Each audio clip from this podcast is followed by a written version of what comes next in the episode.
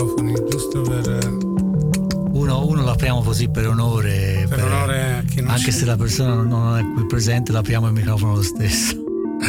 È presente in effetti artisticamente. Artisticamente è presente, sì. Signore e signori, buonasera. Oggi è il buonasera, buonasera. 19 luglio del 2021 ed è lunedì sera e sono le 20.03 e 31 secondi. E quindi? E quindi, e quindi ritorna live in studio Musica, Musica Ribelle. Ribelle.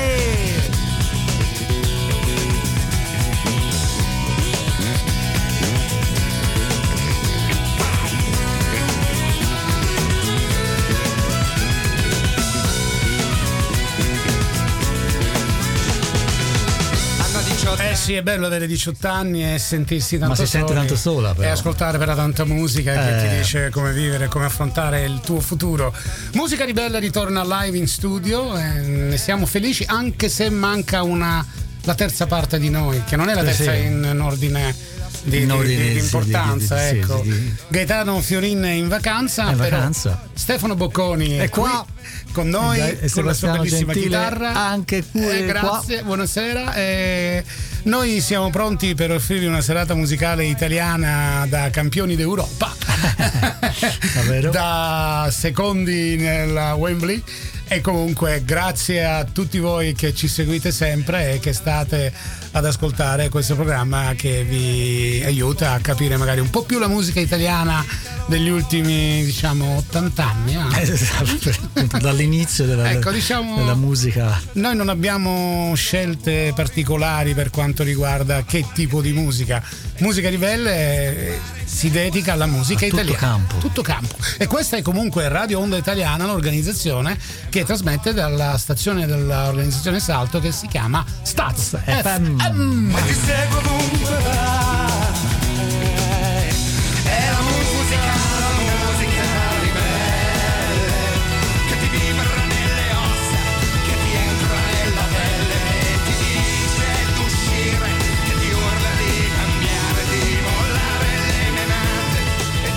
Così, così, così. Certo, è bello, guardate, essere in studio e avere tutte queste. Tutte queste, come si dice, apparecchiature. I pispoli, come si direbbe a Firenze. Sì, sì, mixer che, che, parte. Oddio, le nostre registrazioni sono state anche bellissime, fra le altre cose, riascoltandoli. E comunque, però, essere qua è già anche una conquista per tutti per quanto riguarda il, no, la nostra suono, libertà, il suono e anche il poter venire qui. È già bello, è bello facciamo quello che facevamo prima sempre, sempre una cosa. Vediamo, dai, forza.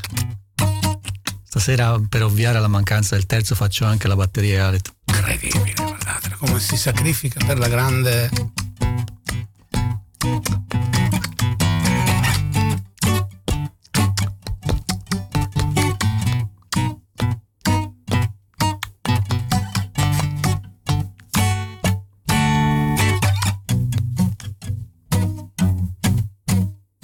Io non ti conoscevo molto bene quando tu eri in vita.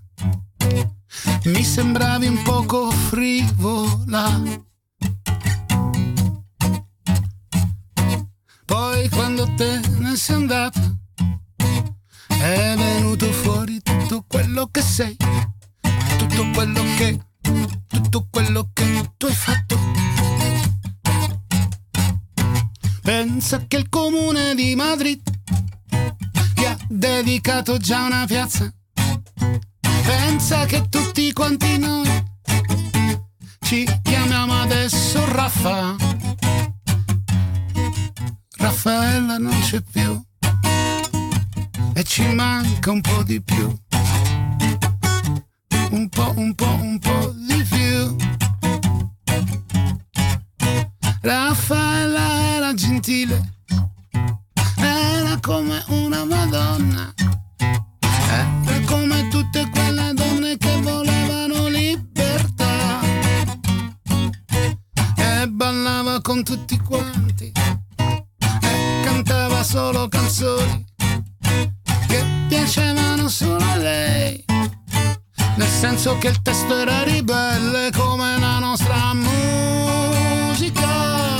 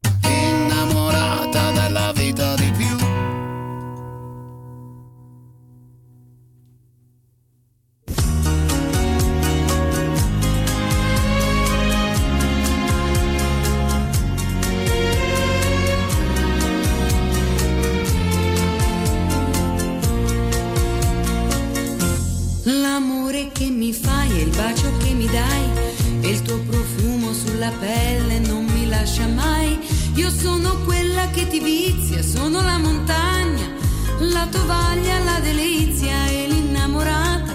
Io sono quella che ti cura, sono la tua dieta, la parte dei tuoi sogni che tu fai per me.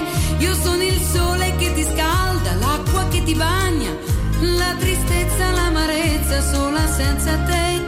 Sono in fondo la tua chiave che tu giri a vuoto per entrare nell'intimo dei miei segreti. Tu per me sei un problema prelibato o proibito, tu sei la mia vita. Innamorata io sono di te, tanto troppo ma sempre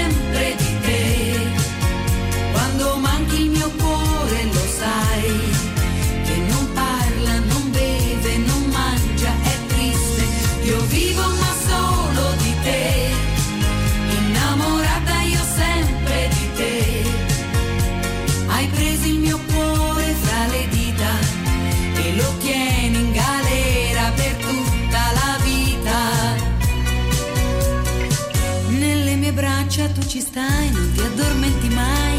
In fondo sono la tua ombra, l'allegria di te. Senza di te io non lo so in quale parte sto. Se dentro un cuore grande, cuore di un amante, tu sei il dolce, il mio digiuno, l'uomo mio perfetto, la bevanda preferita, il gusto prediletto.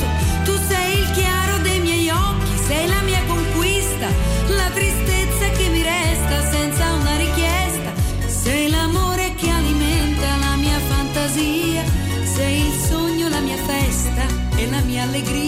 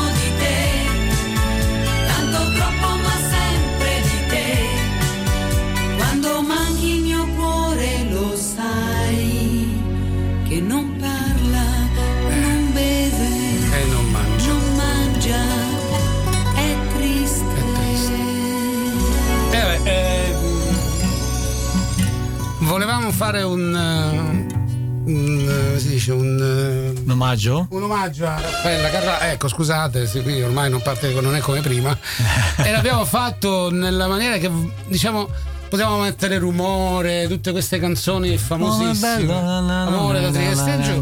Però abbiamo scelto questa canzone d'amore anche perché era una canzone che sinceramente io non conoscevo. No, Ho conosciuto in questo periodo tramite insomma Sergio, ricerche. eh, per le Ah, sì. ricerche e cosa. E comunque è una canzone particolare, bella, eh, rappresenta proprio quelle canzoni romantiche italiane. Accorate, questo amore. Non malvagio. E poi, comunque, posso dire una cosa, io scoprendo Raffaele, cioè, io conoscevo Raffaella Dagrà quando ero ragazzino, 10 anni, 9 anni, insomma. Non, però poi ho scoperto adesso che Raffaella Carrà è stato un simbolo rivoluzionario per, molte, per molti paesi, tipo la Spagna, il Sud America, ma anche in Italia con la minigonna e queste cose.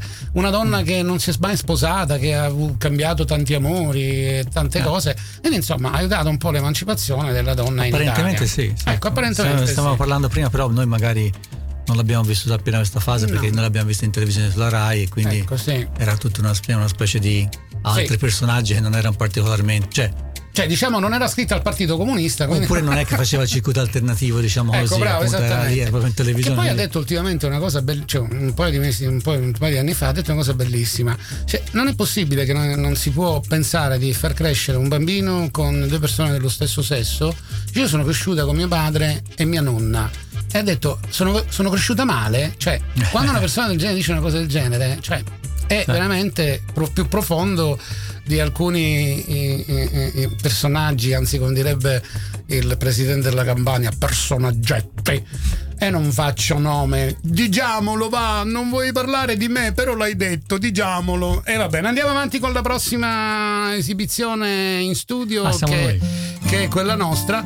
Noi adesso andiamo a cantare una canzone bellissima di un artista eh, bellissimo, fra le altre cose, per quanto riguarda la mia personale, eh, mia personale eh, idea, ed è Pierangelo Bertoli, e dal disco Non finirà canteremo, no, a muso duro canteremo la canzone Non finirà.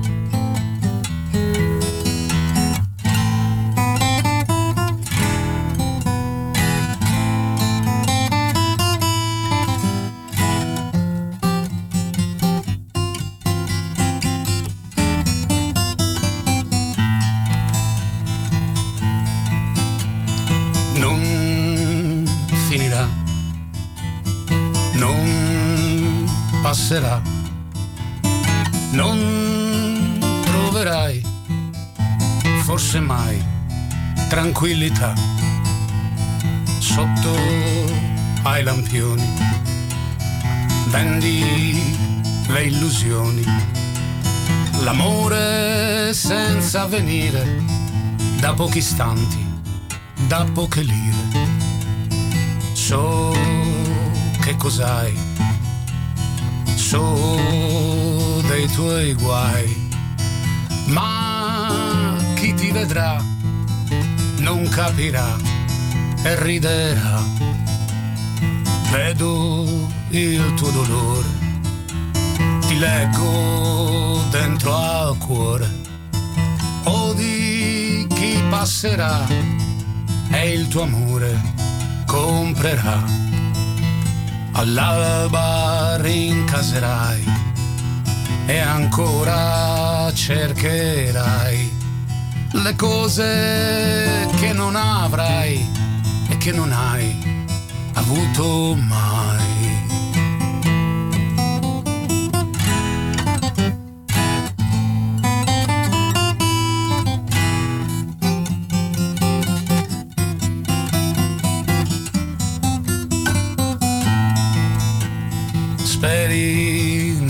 Bontà di questa società.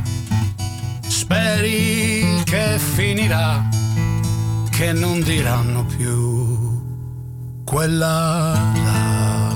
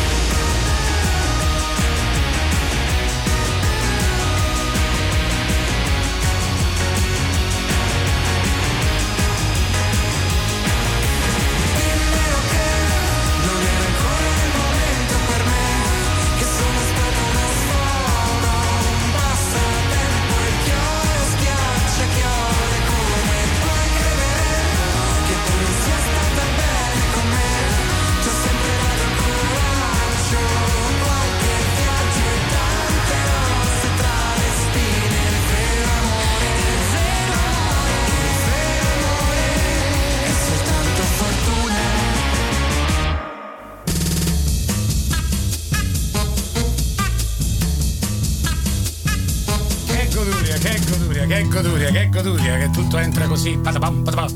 Questo è Max Gazzè, quello che avete ascoltato. Bellino, bellino, Insieme, eh, non mi ricordo più chi era la signorina. Scusate, ma mi è saltato qua il eh, eh, Greta Zuccoli, che non conosco chi è la signorina. Eh, questo era il vero amore, dice, eh, diciamo che è il successo del signore qui presente. Gazzè Gazzè. Gazzè, Gazzè. Ci piace Gazzè. A noi ci piace Gazzè, sinceramente Gazzè lo, lo suoniamo anche spesso con tanto piacere, diciamo Sì, la verità. Ci piace. Sì, facciamo- è popolare ma intelligente. Bravo, dice, esattamente, è popolare, intelligente e fa bei testi e poi è un bravo musicista perché Sì. insomma eh, con suo fratello riescono a confezionare canzoni bellissime. E l'abbiamo visto anche qui dal vivo un paio di volte, io non ho avuto la fortuna di vederlo insieme a- agli altri due, Silvestri Ah, no, e, neanch'io, neanch'io. e No, no. Niccolò Fabi, Sì. però l'ho visto due anni fa, due anni e mezzo fa, da solo, dove riproponeva il suo primo disco live. eh. Ok. E noi eravamo lì per cantare Apra la sua porta, non importa, invece lui ci ha fatto tutto il suo disco e siamo comunque stati bene. Apra la sua porta, non importa, vuole, cazzone, se ne paga, tinga prescio su che mi sta dicendo, una pasta scotta, lei non sa che ti dice, ma stavolta voglio dire che qua non sta cagnando. Ah, piace cantare canzone bella. Scusi Max, scusa Max, scusa Max, stavamo scherzando. Eh, cantiamo noi? Ancora? Oh, Oppure sono le 20 e ancora? 23, ascoltiamo una canzone e poi Ancora? cantiamo noi? Ascoltiamo una canzone e poi cantiamo noi, dai. Eh, ascoltiamo una canzone e poi cantiamo noi, dai, forza. Eh, ascoltiamo Marco Castello, e adesso qui mm, sono un po' orgoglioso, è un cantautore di Siracusa che canta la canzone Contenta tu. Straiati sull'erba. Guardiamo passare le nuvole della raffineria e non riesco neanche a immaginare come fossi prima di truccarti, come i motori sul fondo del porto.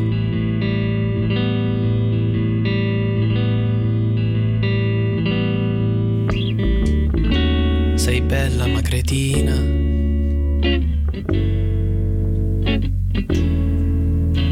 E vuoi assomigliare a qualcosa che invece fa schifo. E qui è il posto più bello del mondo senza avere visto mai nient'altro. Contenta tu. Non mi innamori più.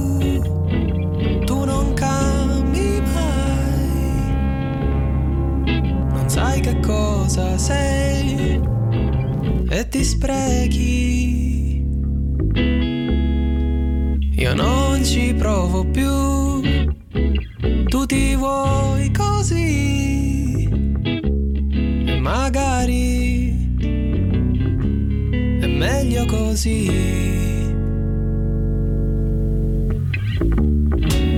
Facciamoci le foto.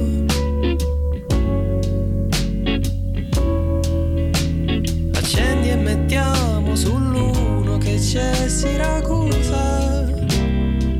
Ed era bello che il sole tramontasse, camminare mano nella mano, schivando le merde di cane.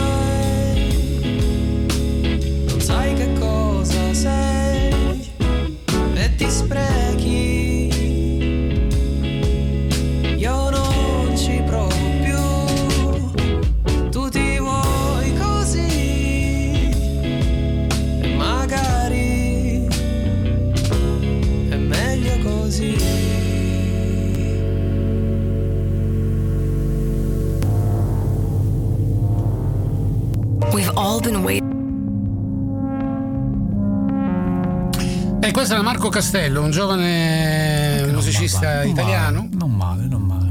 che è praticamente un polistrumentista, fra le altre cose, capace di suonare trombe, batteria, chitarra, piano, abile con la voce soprattutto bravo nella scrittura, secondo me. E questo è il suo nuovo disco che si intitola Contenta tu, è uscito quest'anno, è esattamente è uscito un- un- a febbraio, sì. No, Sì. a febbraio. Eh, 0205 no a maggio a maggio a maggio sì a maggio e ci ha proposto questa canzone che si intitola Contenta tu dedicata alla bellissima Siracusa e mi piace quando gli dice sei cretina qualcosa del genere perché in effetti Siracusa bella ma cretina. Siracusa è una bella città ma si vuole travestire da, da città mm, un po' insomma come si dice da noi spacchiosa quando invece è una bellissima città di provincia che offre tantissime cose anche eh, culturalmente molto interessanti ma noi insomma ci piace la pizza ci piace nel purpette come cantava la nazionale eh, italiana eh, durante la sua mm, performance eh, nel, nel che abbiamo fatto nel campionato europeo.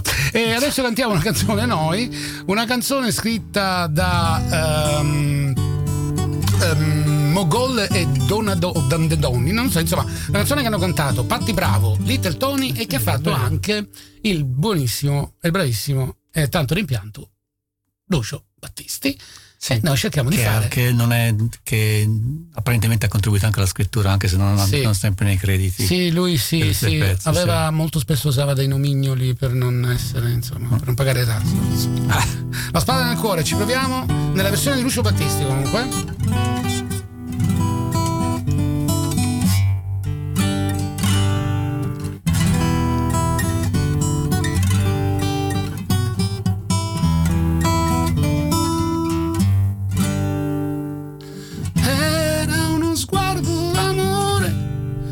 Spada nel cuore e ci resterà. Sei bella in questo momento più bella, adesso che il vento ti allontana da me.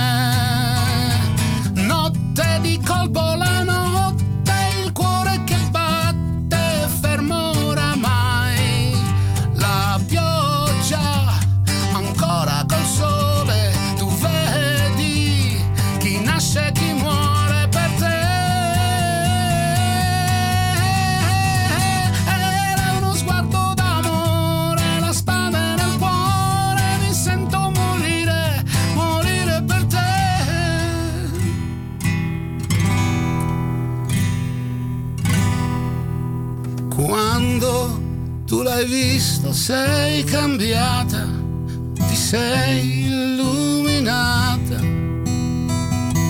E simpatia non era vero, io sono tua, non era vero. Na na na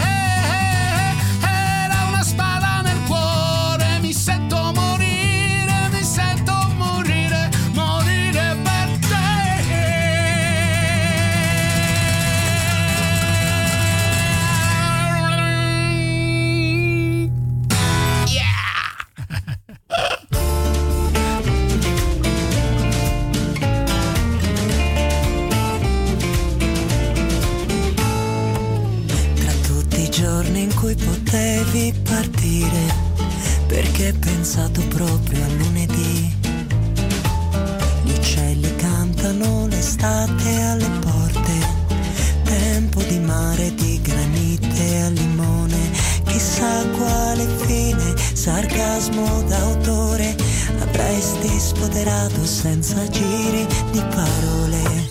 Viva l'Italia, il calcio, il testosterone, gli inciuci e le buttane in preda all'ormone. Piace assai la televisione, proprio l'oggetto dico esposto in salone. Chissà quale amara considerazione avresti concepito in virtù del pudore. Mandaci una cartolina e una ridente foto di te prendi il sole sulla spiaggia con la solita camicia bianca ed il giornale aperto sulla pagina sportiva mentre stai sul bagno asciugapiato tra le braccia di un tramonto.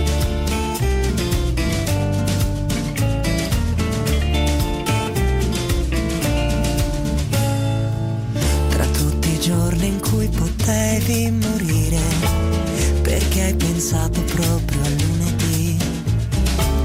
Strade caotiche, litigi agli incroci, quanti cafoni su veicoli e scene, chissà quale fine, sarcasmo d'autore avresti spoderato in questa triste occasione. Mandaci una cartolina e una ridente foto di che prendi il sole sulla spiaggia con la solita camicia bianca ed il giornale aperto sulla pagina sportiva mentre stai sul bagno asciuga canticchiando una canzone romantica.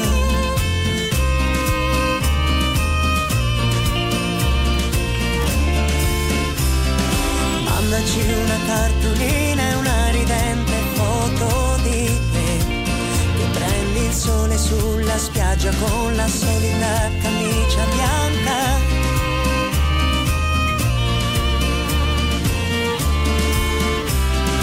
Mandaci una cartolina e una ridente foto di te.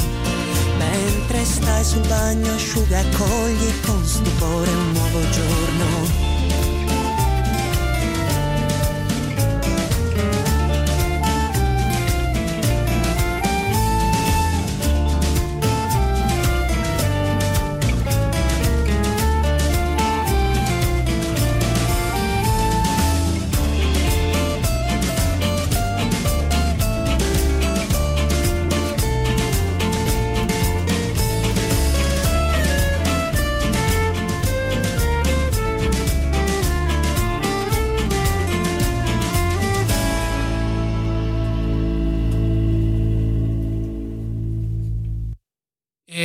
bellissima, bellissima Carmen, questa Carmen, canzone brava della Carmen, bravissima brava Carmen. Carmen. Consoli. Mandaci una cartolina. E noi adesso andiamo ad ascoltare subito un'altra, un'altra canzone. Francesco Gregori con eh, Il cuoco di Salò. No, scusate, quest'altra. Questa era. Alla sera vedo donne bellissime da Venezia arrivare fin qua e salire le scale e frusciare come mazzi di rose. E il profumo rimane nell'aria quando la porta si chiude ed allora le immagino nude aspettare. Sono attrici scappate da Roma o cantanti non ancora famose che si fermano per una notte, per una stagione. Al mattino non hanno pudore, quando scendono per colazione puoi sentirle cantare.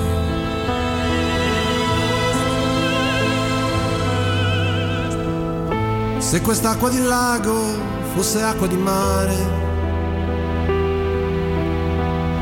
quanti pesci potrei cucinare stasera? Anche un cuoco può essere utile in una bufera. Anche in mezzo a un naufragio si deve mangiare. Che qui si fa l'Italia e si muore. Dalla parte sbagliata, in una grande giornata si muore.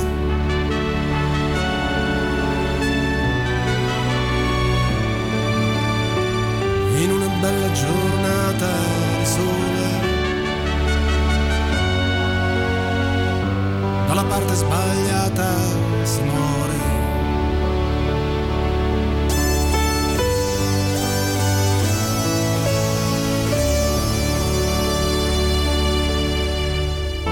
E alla sera, da dietro a quei monti, si sentono colpi non troppo lontani. C'è chi dice che sono banditi e chi dice americani. Io mi chiedo che faccia faranno trovarmi in cucina e se vorranno qualcosa per cena.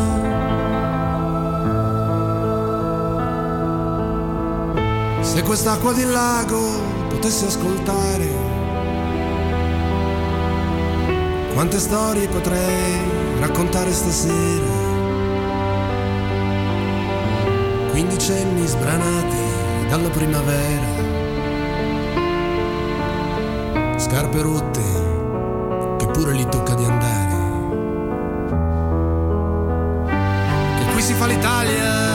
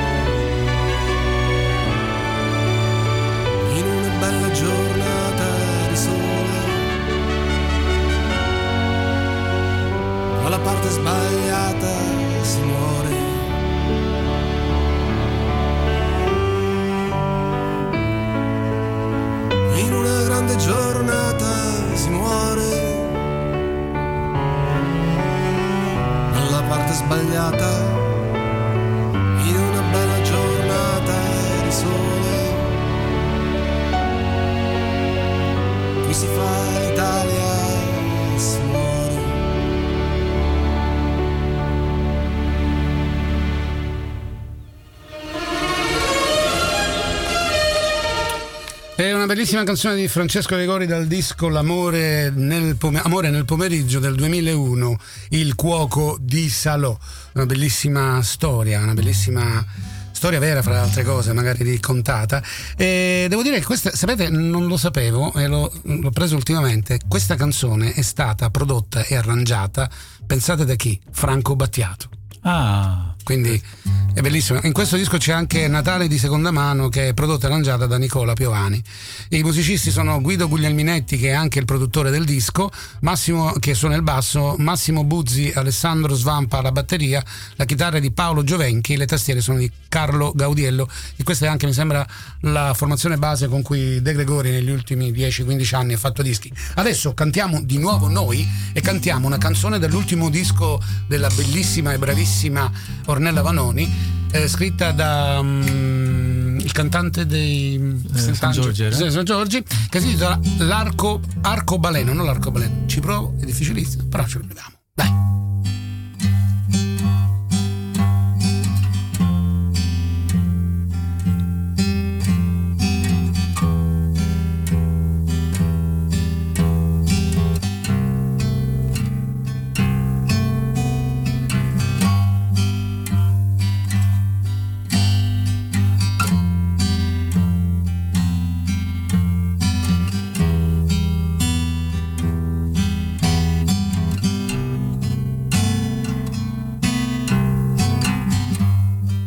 Sembra di vetro la tua anima. Si riflette dentro la mia favola. Giuro di aver visto una lucciola. Non mi ricordo più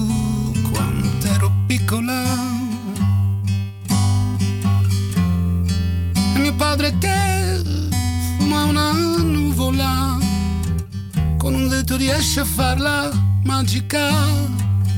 Ne ricordo dice tu non perderla. Ma intanto era una scusa per svignarsela.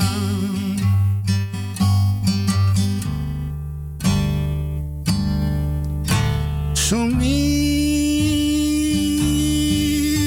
alle storie che ho perso. Somiglia anche se un diverso sei tutta la vita di adesso come se non fosse successo nient'altro nel resto del mondo a parte questo cosmo dentro che esplode ogni volta che guardo con gli occhi che non riconosco e mi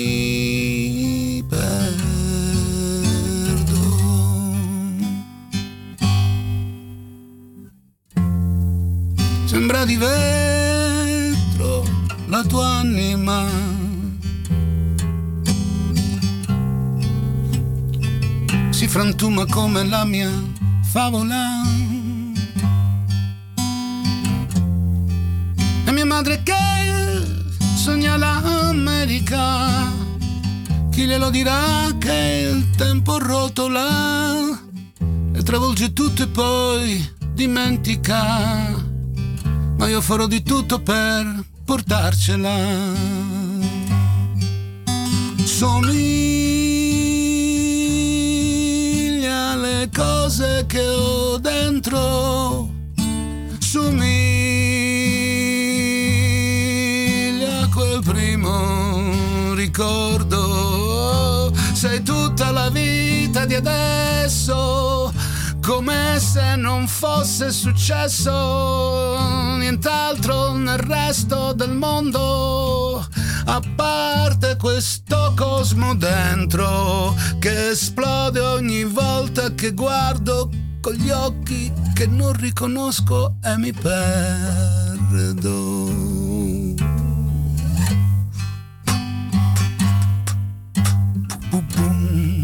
Sembra di vetro la tua anima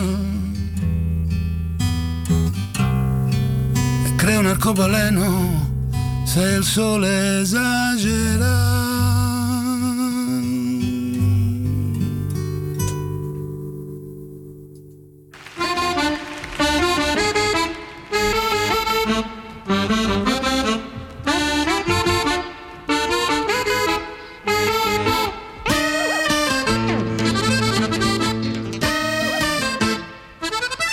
Cosa vuol dire avere metro e mezzo di statura? Te lo rivelano gli occhi e le battute della gente o la curiosità d'una ragazza irriverente che vi avvicina solo per un suo dubbio impertinente. Vuole scoprire se è vero quel che si dice intorno ai nani siano i più forniti della virtù meno apparente.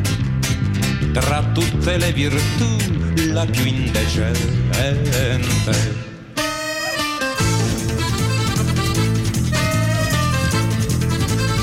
Passano gli anni, i mesi e se li conti anche i minuti. È triste trovarsi adulti senza essere cresciuti. La maldicenza insiste, batte la lingua sul tamburo, fino a dire che un nano è una carogna di sicuro, perché ha il cuore troppo troppo vicino al buco del culo.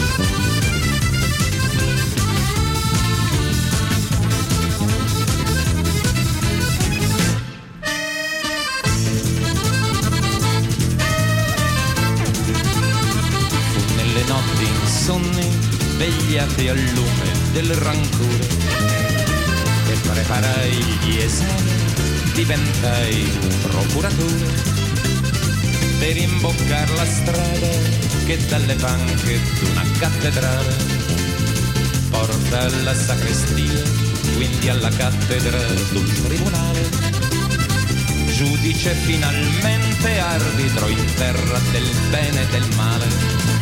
Allora la mia statura non dispenso più buon umore.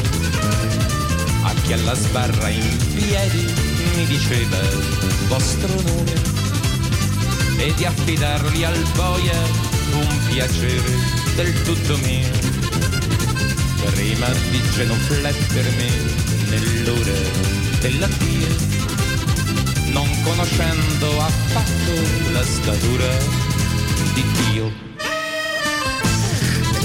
Ebbene, abbiamo una comunicazione. Domani sera Rai 3 trasmetterà il- alle 21 alle 21.30 il film di- del concerto della PFM insieme a Fabrizio De André che si tenne regia ben- di, sì. come si chiama, di, di, di, mm, Ehm, Walter Veltroni ha curato sì, sì, insieme alla Dori Ghezzi la realizzazione di questo film. Si sono ritrovati dei filmati hanno fatto questo film. Non perdetelo, 21.30, Rai 3, eh, Fabrizio De Andrea in concerto con la PFM e deve essere uno spettacolo bellissimo. Cantiamo noi, abbiamo 10 minuti, meno di 10 minuti all'incirca. Prossima canzone, Amandoti, eh, di chi è la canzone veramente? Allora, eh, in realtà viene del CCCP di Lindo Ferretti, Giovanni Lindo Ferretti, Vedi. ma noi ignoriamo questo fatto e la facciamo nella versione della Nannini più o meno. Che poi l'hanno fatta anche Maneskins. Maneskin, Comunque. Amandoti.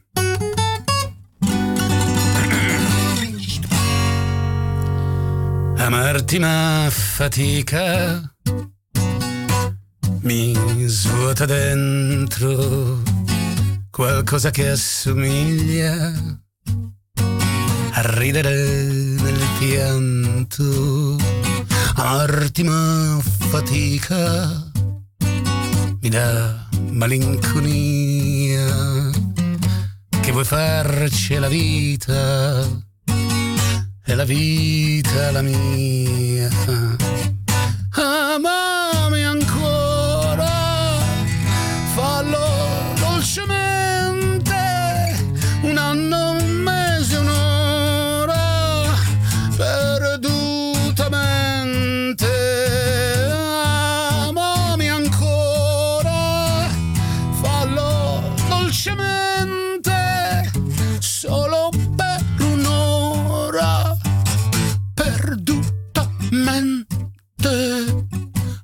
amarti mi consola. Le notti bianche qualcosa che riempie vecchie storie fumanti. Amarti mi consola mi dà allegria. E che vuoi farci? È la vita e la vita è la mia fallo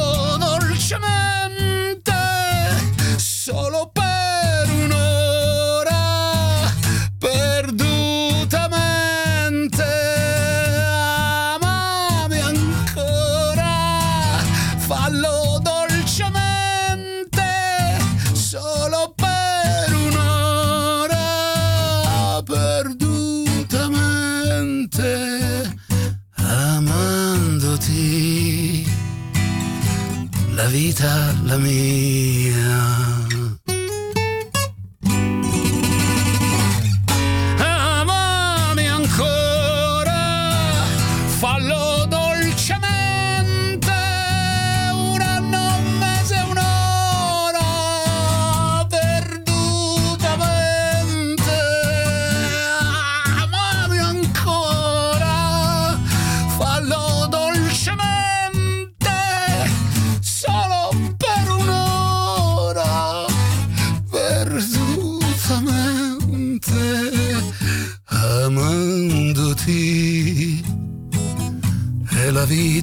piccola mia, amandoti,